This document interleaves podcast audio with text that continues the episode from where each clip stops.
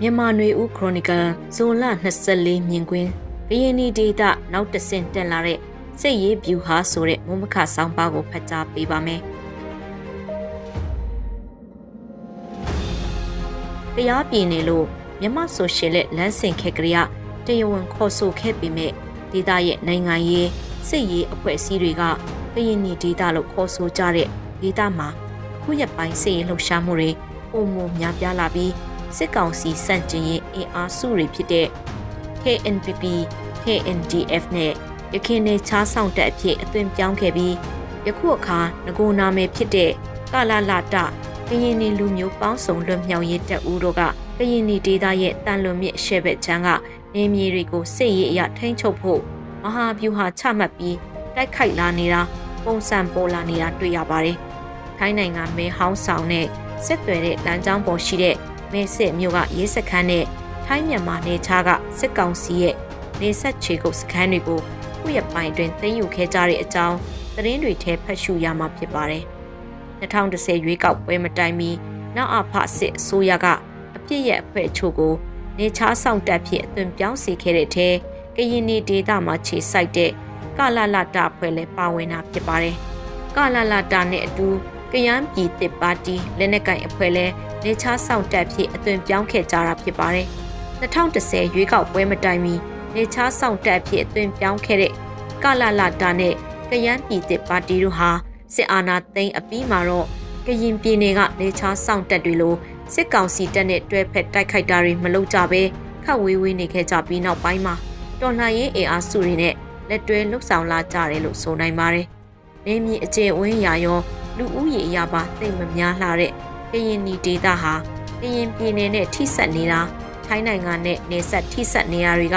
လက်နက်ကင်တွန်လှိုင်းအင်အားစုတွေအတွက်အရေးပါတဲ့ဒေသတစ်ခုလို့လည်းဆိုနိုင်ပါတယ်။တခြားတစ်ဖက်မှာမိုးပြဲပင်လောင်းကနေနေပြည်တော်ဖက်စီကိုမိုင်40 50လောက်သာအကွာအဝေးရှိတာမို့လို့မဟာဗျူဟာအရစစ်ကောင်စီရဲ့အုပ်ချုပ်ရေးမြို့တော်နေပြည်တော်ကိုချိန်ချောက်နိုင်တဲ့အနေအထားလည်းဖြစ်ပါတယ်။စစ်ကောင်စီအနေနဲ့ဒီလိုမဟာဗျူဟာရ အရေးထားရမယ့်အချက်လက်တွေကိုသိရှိထားပြီးဖြစ်မှသိချပါတယ်။ဒါကြောင့်လဲကရင်နီဒေတာကိုတစ်ကြိမ်ပြီးတစ်ကြိမ်အင်အားစုစည်းပြီးပိုးစစ်စင်တာတွေဖြက်လေးဖြက်ဖြက်တောက်တာတွေလှုပ်ဆောင်နေပြီးဒီကြောင်တိုက်ခိုက်မှုတွေလည်းအများပြားလှုပ်ဆောင်ခဲ့တာဖြစ်ပါတယ်။လက်ရှိလဲထိုးစစ်တွေဖြတ်တောက်မှုတွေအပြင်းအထန်အောင်မှာကရင်နေဒေသကလက်နက်ကင်အဖွဲ့အစည်းတွေကထိတွေ့တိုက်ပွဲထွေတဲ့တိုက်ပွဲတွေကနေနေရာယူစခန်းသိမ်းယူတဲ့တိုက်ပွဲ မဲဆက်မြို့ကိုထိန်းချုပ်တဲ့မြို့သိမ်းတိုက်ပွဲလို့စင်ကိုတဆင့်တက်ဖို့စူးစမ်းလာကြတာဖြစ်နိုင်ပါတယ်။ကရင်နေဒေသရဲ့လူဦးရေထက်ဝက်ကျော်လဲနေရစွန့်ခွာပြီးစစ်ဘေးရှောင်နေကြရတာနှစ်နှစ်ချီရှိလာနေပြီဖြစ်ပါတယ်။အသက်မွေးဝမ်းကြောင်းလုပ်ငန်းတွေကောင်းစွာမလုပ်ကိုင်နိုင်ကြတဲ့အနေအထားကနှစ်ရှည်ကြာလာရင်ဒုက္ခသည်စခန်းတွေမှာကျွေးမွေးဆောင်ရှောက်ဖို့တာဝန်တွေပိုပိလာနိုင်တာလည်းဖြစ်ပါတယ်။စစ်ရေးလှုပ်ရှားမှုတွေကဘလောက်အချိန်ရမလဲဆိုတဲ့မိကွန်းမှာ စစ်တိုက်ခိုက်နိုင်ဖို့လက်နက်ငွေကြေးလိုအပ်သလိုဒေသခံတွေရဲ့နေထိုင်ရေးကျွေးမွေးရေးနဲ့ကျန်းမာရေးဆောင်ရှောက်မှုရိတ်ခါစတာတွေက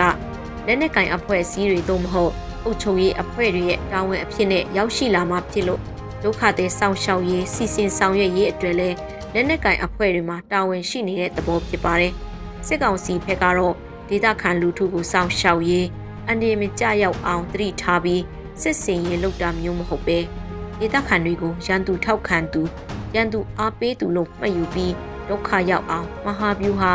ဤဗျူဟာချမှတ်လှုပ်ဆောင်လက်ရှိတာဖြစ်ပါတယ်။ဒေသခံတွေကိုတစ်ဖက်ကဂယုစိုက်နေရတဲ့အခြေအနေဒေသခံတွေရဲ့ရွှေ့ပြောင်းရေးရိတ်ခါစုဆောင်ရေးတွေခက်ခဲအောင်စစ်ရေးတင်မခ